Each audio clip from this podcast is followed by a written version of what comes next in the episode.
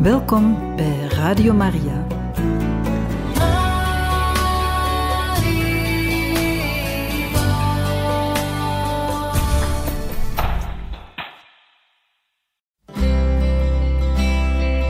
Welkom bij Boekat, een programma van Radio Maria.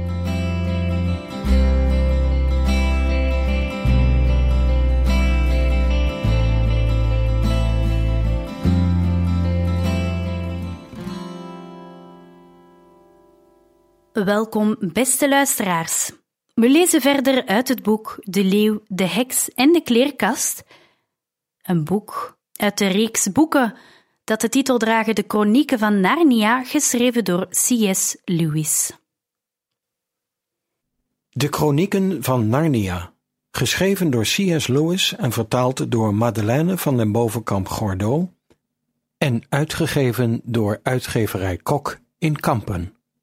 Boek 2 De Leeuw, de Heks en de Kleerkast. Hoofdstuk 12 Op het moment dat de dwerg en de heks zo met elkaar praten, hadden kilometers daar vandaan de bevers en de kinderen urenlang het gevoel alsof ze steeds verder een heerlijke droom binnenliepen. Hun jassen hadden ze al een hele tijd geleden achtergelaten. En geleidelijk aan waren ze opgehouden met elkaar aan te stoten en te zeggen: Kijk, daar zit een ijsvogel. Of hé, hey, zie je dat? Grasklokjes. Of waar ruikt het hier toch zo lekker naar? Of moet je die lijster horen zingen? Nu liepen ze zwijgend verder en zogen alles in zich op. Van warme plekken zonlicht kwamen ze tussen het koele groene struikgewas door en dan weer liepen ze over een tapijt van zacht mos. Hoog boven hun hoofd werd het bladerdak omhoog gehouden door reusachtige iepen. Daarna liepen ze tussen een zee van bloeiende krentenbossen en langs meidoornstruiken die een bedwelmende zoete geur verspreidden. Net als Edmund waren ook zij heel verbaasd toen ze de winter zagen verdwijnen en het in een paar uur tijd van januari in mei veranderde in het hele bos. Ze wisten niet eens zeker, de heks wist dat wel, dat dit gebeurde omdat Aslan weer in Narnia was. Maar ze wisten allemaal dat haar betovering had gezorgd voor die eindeloos lange winter. Daarom begrepen ze, toen die wonderbaarlijke lente ineens begon, ook wel dat er met de plannen van de heks iets mis was gegaan, en goed mis ook. En toen het al maar bleef dooien, begonnen ze allemaal te begrijpen dat de heks nu geen gebruik meer zou kunnen maken van haar arreslee. Toen ze dat eenmaal bedacht hadden, maakten ze ook niet meer zo'n haast en durfden ze wat vaker en wat langer uit te rusten. Ze begonnen langzamerhand natuurlijk behoorlijk moe te worden, maar echt doodop waren ze niet, alleen maar loom, en ze voelden zich dromerig en heel rustig van binnen, zoals je je voelt als je de hele dag buiten in de frisse lucht bent geweest. Suzanne had al een blaartje op haar hiel gekregen. Ze liep al een tijdje niet meer langs de grote rivier, want ze moesten wat meer naar rechts. Dat betekende wat meer naar het zuiden, om bij de plek te komen waar de stenen tafel stond. En zelfs al hadden ze die kant niet opgemoeten, dan hadden ze toch onmogelijk verder het rivierdal kunnen volgen en langs het water kunnen blijven lopen toen het eenmaal was begonnen te dooien. Want doordat al die sneeuw begon te smelten, duurde het niet lang of de rivier trad buiten zijn oevers en veranderde in een machtige, schuimende, bulderende stroom, zodat het pad waar ze langs hadden gelopen al gauw onder water stond. De zon stond alweer laag aan de hemel en de lucht kleurde steeds roder. De schaduwen werden langer en de bloemen begonnen er langzaam aan over te denken om hun blaadjes te gaan sluiten. Nog even, zei meneer Bever, en hij nam hen mee tegen een heuvel op. Ze liepen door heel zacht, verend mos. Dat voelde fijn aan hun vermoeide voeten, onder hele hoge bomen die tamelijk ver uit elkaar stonden. Door die steile klim aan het eind van zo'n lange dag liepen ze allemaal te hijgen en te puffen. En juist toen Lucie zich afvroeg of ze nog wel boven zou kunnen komen zonder eerst nog eens flink uit te rusten, toen stonden ze onverwachts al boven. En daar zagen ze dit.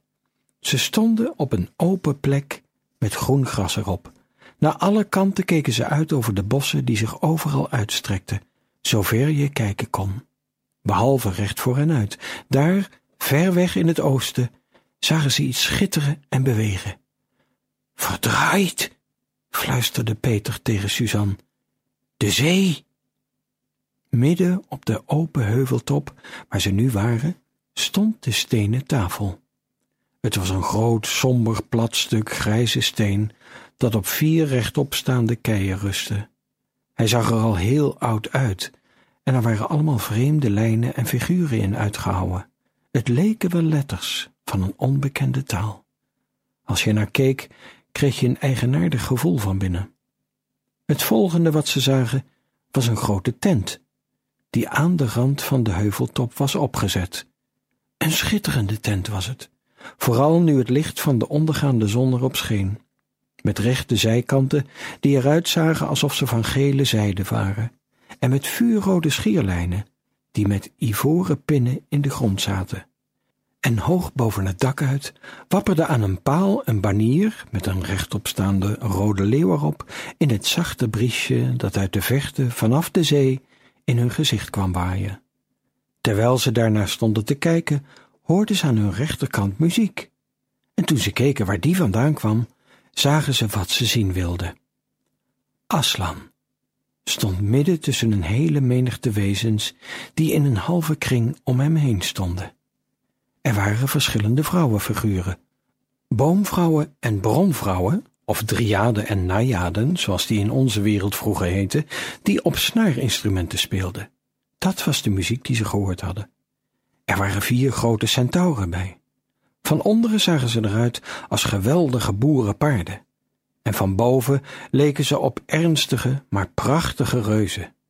Er was ook een eenhoorn, en een stier met een mensenhoofd, en een pelikaan en een adelaar, en een geweldige hond. En aan iedere kant van Aslan stond een luipaard. De ene droeg zijn kroon en de andere zijn vaandel. Maar toen ze Aslan zelf zagen, wisten de bevers en de kinderen niet wat ze moesten zeggen of doen. Sommige mensen die nooit in Narnia geweest zijn, denken dat iets niet goed kan zijn als het je tegelijkertijd bang maakt. Als de kinderen dat ooit al gedacht mochten hebben, dan werden ze daar nu wel van genezen, want toen ze Aslan aan wilden kijken, vingen ze alleen maar een glimp op van zijn gouden manen en zijn overweldigende grote, ernstige, koninklijke ogen. En toen merkten ze dat ze niet langer naar hem durfden te kijken en dat hun knieën begonnen te knikken. Doe dan, fluisterde meneer Bever. Nee, fluisterde Peter, u eerst. Nee, eerst zonen van Adam, dan dieren, fluisterde meneer Bever weer terug. Suzanne, fluisterde Peter, ga jij eerst, dames gaan voor.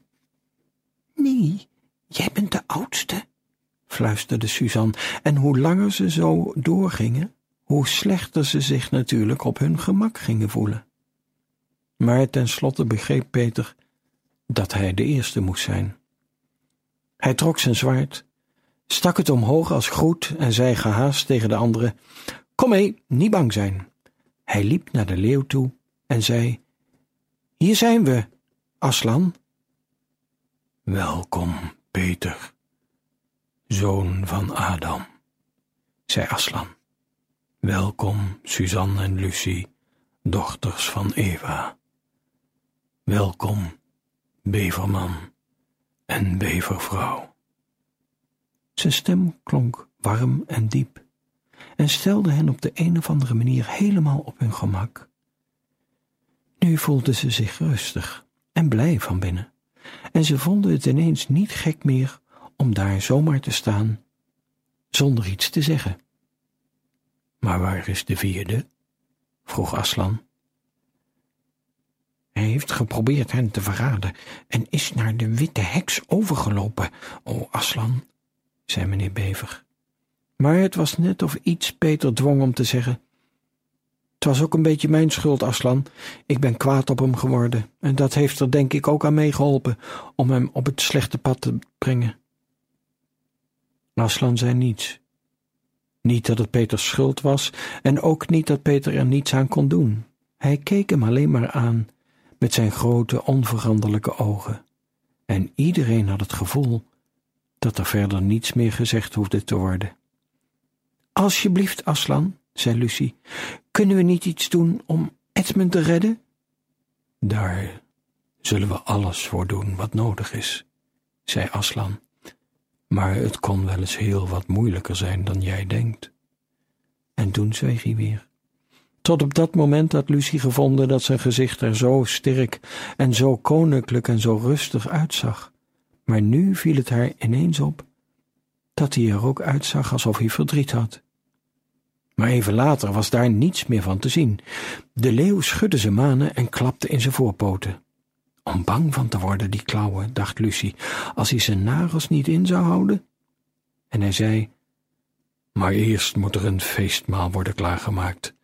Dames, nemen jullie deze dochters van Eva mee naar de grote tent en help ze om zich een beetje op te frissen en wat uit te rusten. Toen de meisjes weg waren, legde Aslan zijn voorpoot, die ook al hield hij zijn klauwen ingetrokken heel zwaar woog, op Peters schouder en zei, Kom, zoon van Adam, dan zal ik je in de vechten het kasteel aanwijzen, waar jij binnenkort koning zult worden. En Peter, met zijn getrokken zwaard nog in zijn hand, liep met de leeuw mee naar de oostkant van de heuveltop. Vandaar hadden ze een wondermooi uitzicht. Achter hen ging de zon onder. Dat betekende dat het hele land dat zich onder hen uitstrekte baadde in het avondzonlicht. Bossen en heuvels en dalen en het laatste stuk van de grote rivier dat als een zilveren slang wegkronkelde naar de zee in de verte. Helemaal voorbij het land lag de zee. Kilometers ver weg en achter de zee was de lucht, vol wolken die net roze begonnen te kleuren door de weerschijn van de ondergaande zon. Maar precies op de plek waar het land Narnia en de zee elkaar raakten, aan de monding van de grote rivier om precies te zijn, kon Peter iets zien schitteren op een lage heuvel.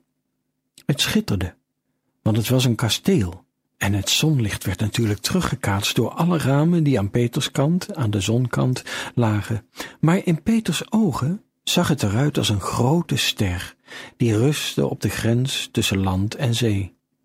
Dat O mensenkind, zei Aslan, is Ker Paravel, het slot van de vier tronen waarop jullie zullen zitten als je koning bent. Ik laat dit aan jou zien, omdat jij de eerstgeborene bent en omdat jij de hoogste koning wordt, hoger dan alle anderen. En weer kon Peter niet zeggen, want op dat moment werd de stilte opeens wakker geroepen door een vreemd geluid. Het klonk als een trompet, maar alleen was dit een volle geluid. Dat is de horen van je zus, zei Aslan zacht tegen Peter, zo zacht dat het bijna op spinnen leek, als het tenminste niet oneerbiedig is om bij een leeuw over spinnen te praten. Eerst begreep Peter het niet, maar toen alle andere wezens ineens begonnen te rennen, en hij Aslan met een zwaai van zijn poot hoorde zeggen, achteruit, Laat de prins zijn sporen verdienen. Toen begreep hij het ineens. Hij begon zo hard als hij kon in de richting van de tent te rennen. En wat hij daar zag, was afschuwelijk. De najade en de driade vluchtten naar alle kanten weg. Lucie liep zo hard als haar korte benen haar konden dragen op hem afrennen, en haar gezicht zag krijtwit. Toen zag hij Suzanne op een boom afstormen en zich omhoog hijsen aan een tak, achterna gezeten door een geweldig groot grijs beest. Eerst dacht Peter dat het een beer was, maar toen zag hij dat het meer op een Duitse herder leek. Alleen was het veel te groot voor een hond. Toen besefte hij dat het een wolf was. Een wolf die op zijn achterpoten stond, met zijn voorpoten tegen de stam van een boom, en die daar woest stond te happen en te grommen. Al zijn nekharen stonden recht overeind. Suzanne was niet hoger gekomen dan de tweede dikke tak. Haar ene been bungelde naar beneden, zodat haar voet maar een centimeter of wat hoger hing dan de happende muil. Eerst verbaasde Peter zich erover dat ze niet hoger klom, of zich in ieder geval beter vasthield. Maar toen zag hij dat ze op het punt stond flauw te vallen. En als ze flauw viel, zou ze naar beneden vallen. Peter voelde zich niet bepaald dapper, liever gezegd, hij voelde zich misselijk worden. Maar dat veranderde niets aan wat hem te doen stond. Hij stormde recht op het monster af en probeerde het met zijn zwaard in de zij te steken. Hij kwam er niet aan toe om de wolf te raken met die slag. De wolf draaide zich bliksemsnel om, zijn ogen schoten vuur en uit zijn wijd open muil kwam een jankend geluid van kwaadheid. Als hij niet zo kwaad was geweest dat hij het janken gewoonweg niet laten kon, zou hij Peter dadelijk bij zijn keel gehad hebben. Nu had Peter, hoewel het allemaal zo snel ging dat hij geen tijd kreeg om erover na te denken, nog net de tijd om zich te bukken en zijn zwaard zo hard als hij kon vooruit te steken, tussen de voorpoten van het monster door, recht in zijn hart. Toen was het een ogenblik lang één grote, afschuwelijke weerwar. Het leek net een nachtmerrie. Hij stond te rukken en te trekken en hij kon niet zien of de wolf leefde of dood was. De ontblote scherpe tanden van het beest stoten tegen zijn voorhoofd en overal was bloed en haar en zweet. Een ogenblik later besefte hij dat het monster dood aan zijn voeten lag. Hij had zijn zwaard eruit getrokken, stond zijn rug te strekken en het zweet van zijn gezicht en uit zijn ogen te vegen. Hij was dood en doodmoe. Toen kwam na een tijdje Suzanne weer uit de boom naar beneden. Zij en Peter stonden allebei nog te trillen op hun benen toen ze naar elkaar toe kwamen, en er werd door allebei heel wat gekust en gehuild. Maar in Narnia neemt niemand je dat kwalijk. Vlug, vlug, riep de stem van Aslan. Centauren, arenden, ik zie nog een wolf daar in de struiken, daar achter je. Hij gaat er net vandoor. Erachteraan, allemaal. Die gaat beslist terug naar zijn meesteres. Dit is jullie kans om de heks te vinden en de vierde zoon van Adam te redden. En dadelijk verdwenen een stuk of twaalf van de snelste wezens onder luid gedreun van hoeven en geklapper van vleugels in het steeds donker wordende bos. Peter, die nog steeds buiten adem was, draaide zich om en zag dat Aslan vlakbij stond. Je bent vergeten je zwaard schoon te maken, zei Aslan. Dat was waar. Peter kreeg een kleur toen hij naar het glimmende zwaard keek en zag dat het vol zat met vegen bloed en haar van de wolf. Hij bukte zich en veegde het goed schoon aan het gras, en daarna droogde hij het zorgvuldig af aan zijn kleren. Geef het maar aan mij, en kniel neer, zoon van Adam, zei Aslan. En toen Peter dat deed, sloeg Aslan hem met de platte kant van het zwaard op zijn schouder en zei, Ik sla je tot ridder. Sta op, heer Peter, wolvendoder. En wat er ook gebeurt, vergeet nooit je zwaard weer schoon te vegen.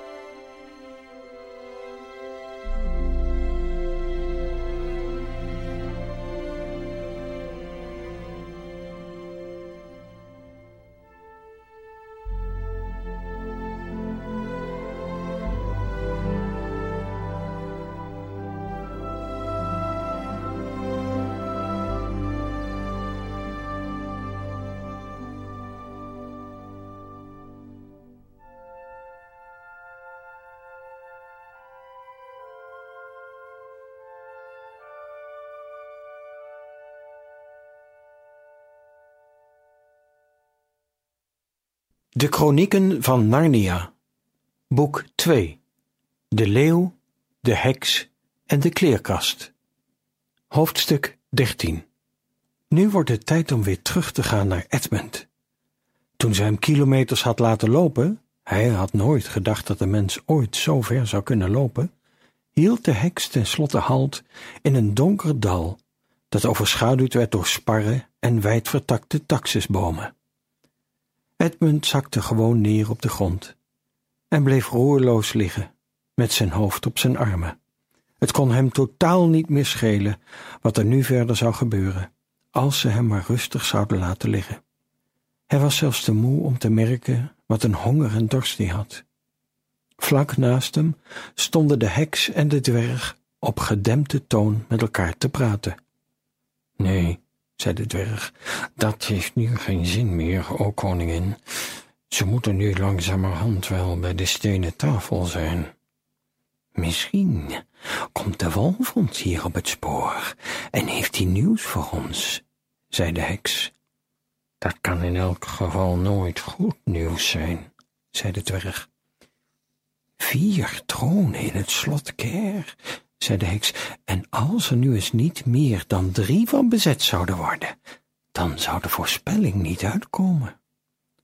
Wat maakt dat nou nog uit, nu hij zelf in Narnia is, zei de dwerg. Zelfs nu durfde hij de naam van Aslan niet uit te spreken in het bijzijn van zijn meesteres. Hij blijft misschien niet lang, en daarna zouden we die drie op het slot kunnen aanvallen. Toch zou het wel eens verstandiger kunnen zijn, zei de dwerg, om deze hier, terwijl hij dat zei, gaf hij Edmund een schop, te bewaren, zodat we hem kunnen gebruiken om met ze te onderhandelen. Jazeker, en hem dan alsnog bevrijden, zeker, zei de heks smalend. Tja, in dat geval moeten we maar liever zo gauw mogelijk doen wat ons te doen staat. Ik had het graag op de stenen tafel zelf gedaan, zei de heks. Daar hoort het eigenlijk te gebeuren. Daar is het tot nog toe altijd gedaan. Maar nu kan het lang duren voordat de stenen tafel weer gebruikt kan worden, zoals het hoort, zei de dwerg. Daar heb je gelijk in, zei de heks. En toen zei ze, nou, dan begin ik nu. Op dat moment hoorden ze plotseling een geritsel en grommend schoot er een wolf op hen af. Ik heb ze gezien. Ze zijn allemaal bij de stenen tafel. Bij hem. Ze hebben mijn baas Maugrim gedood. Ik zat verborgen in de struiken en heb het allemaal zien gebeuren. Een van de zonen van Adam heeft hem gedood. Vlucht, vlucht. Nee, zei de heks, we hoeven niet te vluchten. Vlug, ga iedereen die aan onze kant staat waarschuwen, dat ze zich zo snel mogelijk hier bij mij moeten verzamelen. Haal de reuzen op, en de weerwolven, en de boomgeesten die aan onze kant staan. Roep de nachtmerries en de boemannen, de bullebakken en de minotauren. Roep de vredaards, de heksen, de spoken en het volk van de slijmzwammen. We zullen vechten. Wat is dat nou? Ik heb toch mijn staf nog. Hun manschappen worden immers in steen veranderd, zodra ze komen aanstormen. Ga gauw, ik heb hier nog een kleinigheidje te regelen, terwijl je weg bent. Het wilde dier boog zijn kop, keerde zich om en draafde weg. Nu dan, zei ze, we hebben geen tafel. Laat me eens even denken. We kunnen hem het beste maar tegen de stam van een boom aanzetten. Opeens werd Edmund ruw overeind gesleurd. Daarna zette de dwergen met zijn rug tegen een boom aan en bond hem stevig vast. Hij zag dat de heks haar mantel uittrok. Daaronder had ze blote armen, die ontzettend wit waren. Haar armen kon hij zien omdat ze zo spierwit waren. Maar verder kon die weinig meer onderscheiden. Zo donker was het intussen al in het dal onder die donkere bomen. Maak het slachtoffer gereed, zei de heks, en de dwerg knoopte Edmunds kraag open en vouwde zijn blouse aan de hals opzij. Toen pakte hij Edmund bij zijn haar en trok zijn hoofd achterover, zodat hij gedwongen was zijn kin omhoog te doen. En toen hoorde Edmund een vreemd geluid. Zoef, zoef, zoef. Eerst kon hij het geluid niet thuisbrengen, maar toen begreep hij het. Het was het geluid van het slijpen van een mes. Precies op dat moment hoorde hij van alle kanten een vreselijk geschreeuw, geroffel van hoeven, geklapwiek van vleugels, een gil van de heks, verwarring om hem heen, en toen voelde hij dat hij werd losgemaakt. Sterke armen hielden hem vast, en hij hoorde zware, vriendelijke stemmen die zeiden, leg hem maar even neer. Geef hem een slokje wijn, hier, drink dat maar eens lekker op. Rustig maar. Zometeen voel je je alweer een heel stuk beter. Toen hoorde hij andere stemmen die niet tegen hem, maar tegen elkaar praten en die zeiden, wie heeft de heks nou? Ik dacht dat jij die had. Ik heb haar niet meer gezien sinds ik haar uh, dat mes uit handen had geslagen. Ik zat achter die dwerg aan. Je wilt toch hoop ik niet zeggen dat ze ontsnapt is? Hoor eens, je kunt nou eenmaal niet overal uh, tegelijk opletten. Hé, hey, wat hebben we hier? Oh, sorry, het is een oude boomstronk. Maar juist op dat moment raakte Edmund bewusteloos. Niet lang daarna gingen de centauren, de eenhoorns, de herten en de vogels, want natuurlijk waren zij het, de groep die Aslan in het vorige hoofdstuk had uitgestuurd om Edmund te redden, allemaal weer op weg naar de stenen tafel. Ze droegen Edmund tussen zich in, maar ze zouden vast heel verbaasd geweest zijn als ze gezien hadden wat er in het dal gebeurde toen ze weg waren. Het was heel stil, en de maan begon nu helder te schijnen, en als je daar was geweest, had je in het maanlicht de vormen gezien van een oude boomstronk en een grote zwerfkei. Maar als je was blijven staan, zou het je na een tijdje zijn opgevallen dat er iets raars aan de hand was, zowel met die boomstronk als met die grote kei. En nog een poosje later zou je je zijn af gaan vragen of die boomstronk eigenlijk niet ontzettend deed denken aan een dik mannetje dat in elkaar gedoken op de grond zat. En als je maar lang genoeg was blijven kijken, zou je gezien hebben hoe de boomstronk naar de kei toeliep en hoe de grote kei rechtop ging zitten en tegen de boomstronk begon te praten. Want die kei en die boomstronk waren in werkelijkheid gewoon de heks en de dwerg.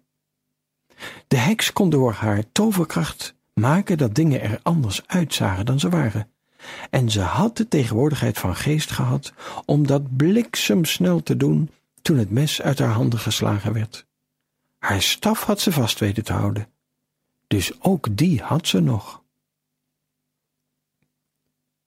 Toen de andere kinderen de volgende ochtend wakker werden, ze hadden elk op een hoop kussens geslapen in de grote tent, was het eerste wat ze van mevrouw Bever hoorden dat hun broer was gered en dat hij gisteravond laat het kamp was binnengebracht en dat hij op dit moment bij Aslan was.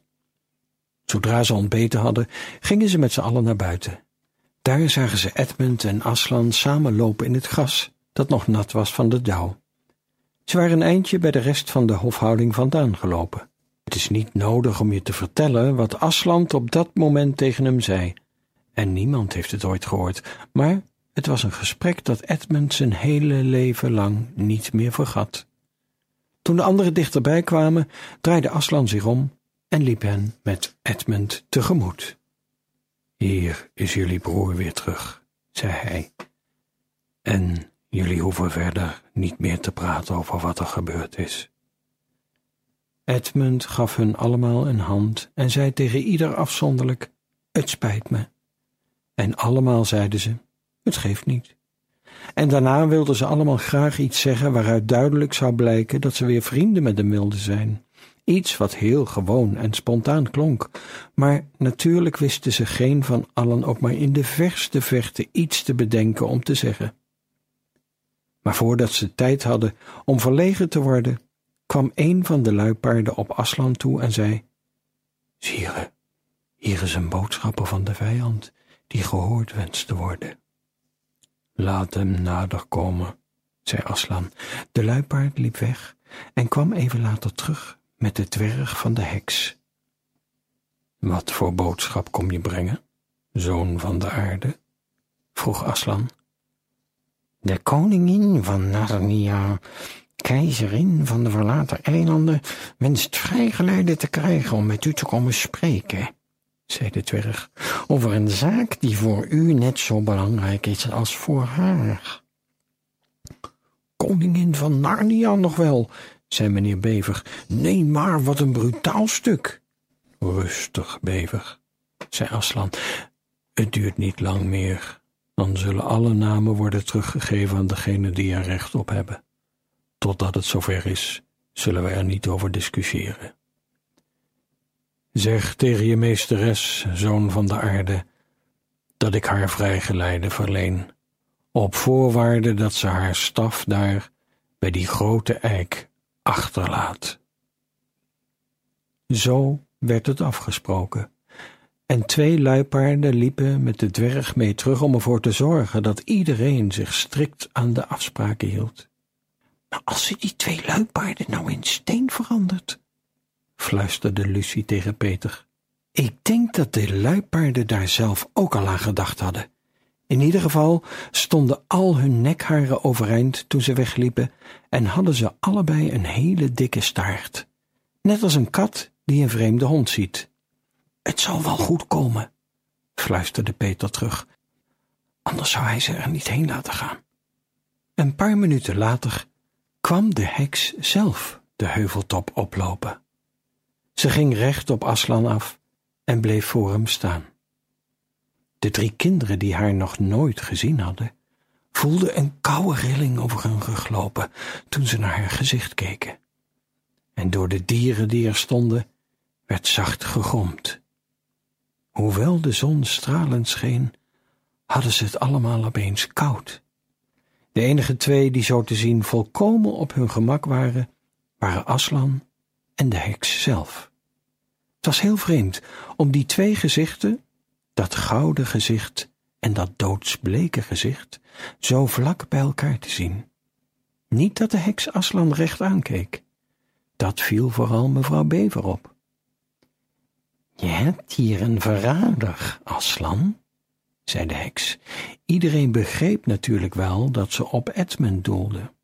Maar Edmund dacht niet meer aan zichzelf na alles wat hij meegemaakt had en na het gesprek van die morgen. Hij bleef maar steeds naar Aslan kijken. Hij had het gevoel dat het er niet toe deed wat die heks zei.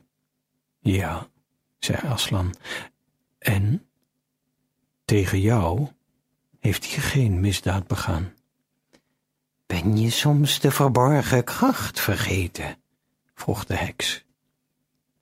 Laten we eens aannemen dat ik die vergeten ben, antwoordde Aslan ernstig Vertel maar eens over die verborgen kracht. Moet ik dat aan jou vertellen? De stem van de heks schoot schil uit. Moet ik jou vertellen wat er geschreven staat op deze tafel van steen waar we hiernaast staan? En moet ik jou vertellen wat er geschreven staat op de vuurstenen van de heilige heuvel in letters die zo diep zijn als een speer lang is? Moet ik jou vertellen wat er in de scepter van de keizer over de zee gegraveerd staat? Als er iemand is die die toverkracht kent, die die keizer helemaal in het begin aan Narnia heeft meegegeven, dan ben jij dat. Jij weet dat alle verraders voor mij zijn, als mijn wettige prooi, en dat ik in ruil voor ieder verraad het recht heb om iemand te doden. Oh, zei meneer Bever, dus daarom ben je je gaan verbeelden dat je koningin bent, alleen omdat je de beul van de grote keizer bent. Nu snap ik het. Rustig, Bever, zei Aslan, en hij gromde bijna onhoorbaar. En dus, ging de heks verder, is dat mensenjong van mij. Hij heeft zijn leven aan mij verspeeld. Zijn bloed is mijn eigendom. Kom het maar halen dan, zei de stier met het mensenhoofd, met zijn geweldige loeiende stem. Idioot, zei de heks met een kwaadaardige grijns. Ze leek meer op een roofdier dat zijn tanden laat zien. Denk je heus dat jouw meester mij met bruut geweld mijn rechten kan afnemen? Daarvoor kent hij de verborgen krachten goed. Als ik geen bloed krijg, zegt de wet, dan zal heel Narnia verwoest worden, en dan zal het vergaan in water en vuur. Dat weet hij ook wel. Dat is waar, dat ontken ik niet, zei Aslan. O, Aslan, fluisterde Suzanne in het oor van de leeuw, kunnen we niet, ik bedoel, dat doe je toch niet, hè? Kunnen we niets aan die verborgen kracht doen? Kun je er niets aan veranderen? Tegen de kracht van de keizer ingaan? zei Aslan, en hij keek naar haar met een eigenaardige frons op zijn gezicht. En niemand durfde dat ooit meer voor te stellen. Edmund stond aan de andere kant van Aslan en hij keek onafgebroken naar Aslans gezicht.